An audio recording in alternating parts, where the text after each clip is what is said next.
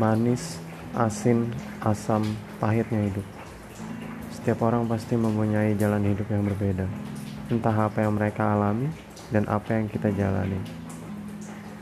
Namun di sinilah tempat untuk mengumbar semuanya. Keresahan.